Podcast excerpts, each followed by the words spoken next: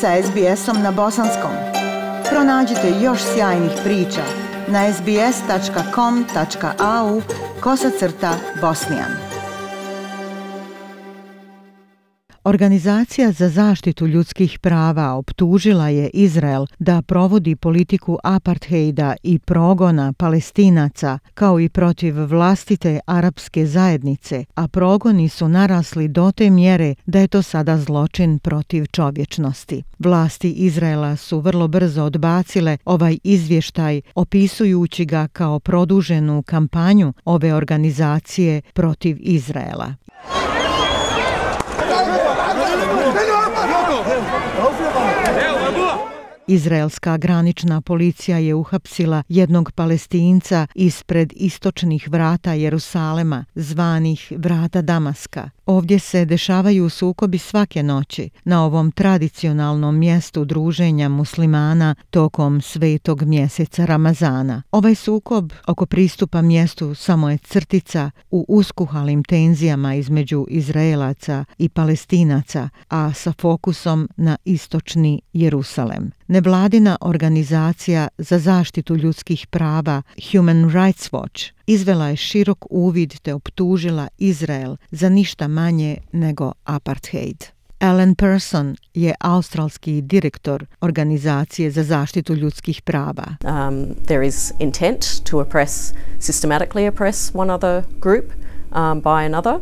Postoji um, namjera ugnjetavanja, um, sistematskog ugnjetavanja jedne grupe od strane druge, a usto imamo i nehumana dijela koja su počinjena. Ova nehumana dijela u Palestini su u stvari nasilno preseljenje. Govorimo o masovnom oduzimanju zemljišta. Ovdje govorimo o žestokim restrikcijama u vezi sa slobodom kretanja za palestince. U izvještaju na 213 stranica ova organizacija sa sjedištem u Njujorku traži od vlada da predstave ciljane sankcije protiv Izraela te prekidanje vojne saradnje s tom državom.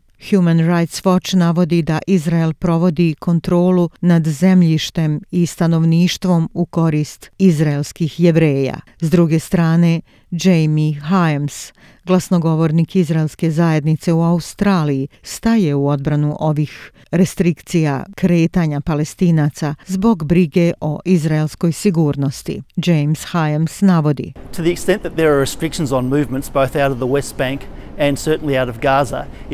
U vezi sa proširenim ograničenjima na kretanje izvan zapadne obale i naravno Gaze, to je isključivo iz sigurnosnih razloga da bi se zaustavili palestinski teroristi koji dolaze u Izrael i ubijaju Izraelce, kao što su činili tokom druge intifade između 2000. i 2005. godine, kada je ubijeno više od hiljadu Izraelaca, a hiljade njih ranjeno, često sa doživotnim oštećenjima. U Izraelu odgovor na osuđujući izvještaj Organizacije za zaštitu ljudskih prava bio je brz. Eugene Kontorović, direktor međunarodnog prava na Kohelet forumu, izdanku konzervativne misli u Jerusalemu, kaže This report is nothing more than a fabrication of fantasy, misstatement uh, and misrepresentation which is fundamentally anti-Semitic because it's designed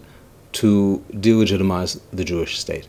Ovaj izvještaj nije ništa drugo od omaštarija, neistina, lažno predstavljanje koje je u suštini antisemitsko jer je osmišljeno da bi židovsku državu stavilo izvan zakona. Michael Beaton, izraelski ministar za strategiju, bio je jednak u odbacivanju izvještaja kada su ga o tome upitali lokalni mediji. The distorted reality presented by Human Rights Watch as part of its ongoing political and obsessive campaign against Israel in recent years. Iskrivljena realnost koju prezentira Organizacija za zaštitu ljudskih prava dio je tekuće političke i obsesivne kampanje protiv Izraela zadnjih godina. Što se tiče nasilnih premještanja, ovaj izvještaj govori o posljedicama uništavanja palestinskih kuća i domova. Izraelska strana insistira na tome da uništavanja nisu prekomjerna. Jamie Hyams navodi. House demolitions are a fact in Israel as they are in any Western country where houses are built without a permit. But the fact is that studies show that houses Rušenja kuća jesu prisutna u Izraelu, isto kao što su prisutna u zapadnim zemljama gdje se kuće grade bez dozvole. Istina je da istraživanja kažu da su kuće jevreja u Jerusalemu i drugim mjestima devastirana u istoj mjeri kao i kuće koje su podigli palestinci. Ipak, Organizacija za zaštitu ljudskih prava Human Rights Watch napominje da palestinci nailaze na ekstremne poteškoće u dobivanju dozvole za gradnju prije svega. Prošle godine Australija se usprotivila pripremanju Međunarodnog krivičnog suda koji bi se bavio navodnim ratnim zločinima kako Izraela tako i Hamasa koji vlada gazom navodeći da Palestina nije država. Izaslanik Palestine u Australiji, Izet Salah Abdullahi, traži od savezne vlade da ima jednak stav prema objema stranama. So all the time, or I mean, regularly uh, has a position against uh,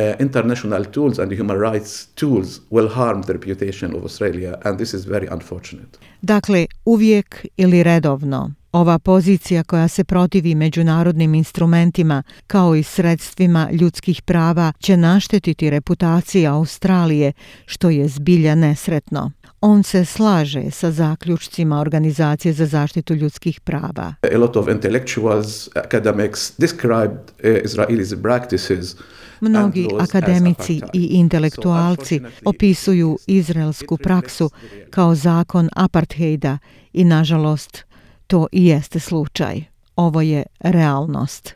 On podržava organizaciju za zaštitu ljudskih prava Human Rights Watch koji poziva Morrisonovu vladu da preispita svoje bilateralne odnose sa Izraelom. Ja sam Aisha Hadži Ahmetović. Ostanite uz SBS radio. Like, share, comment. Pratite SBS Bosnian na Facebooku.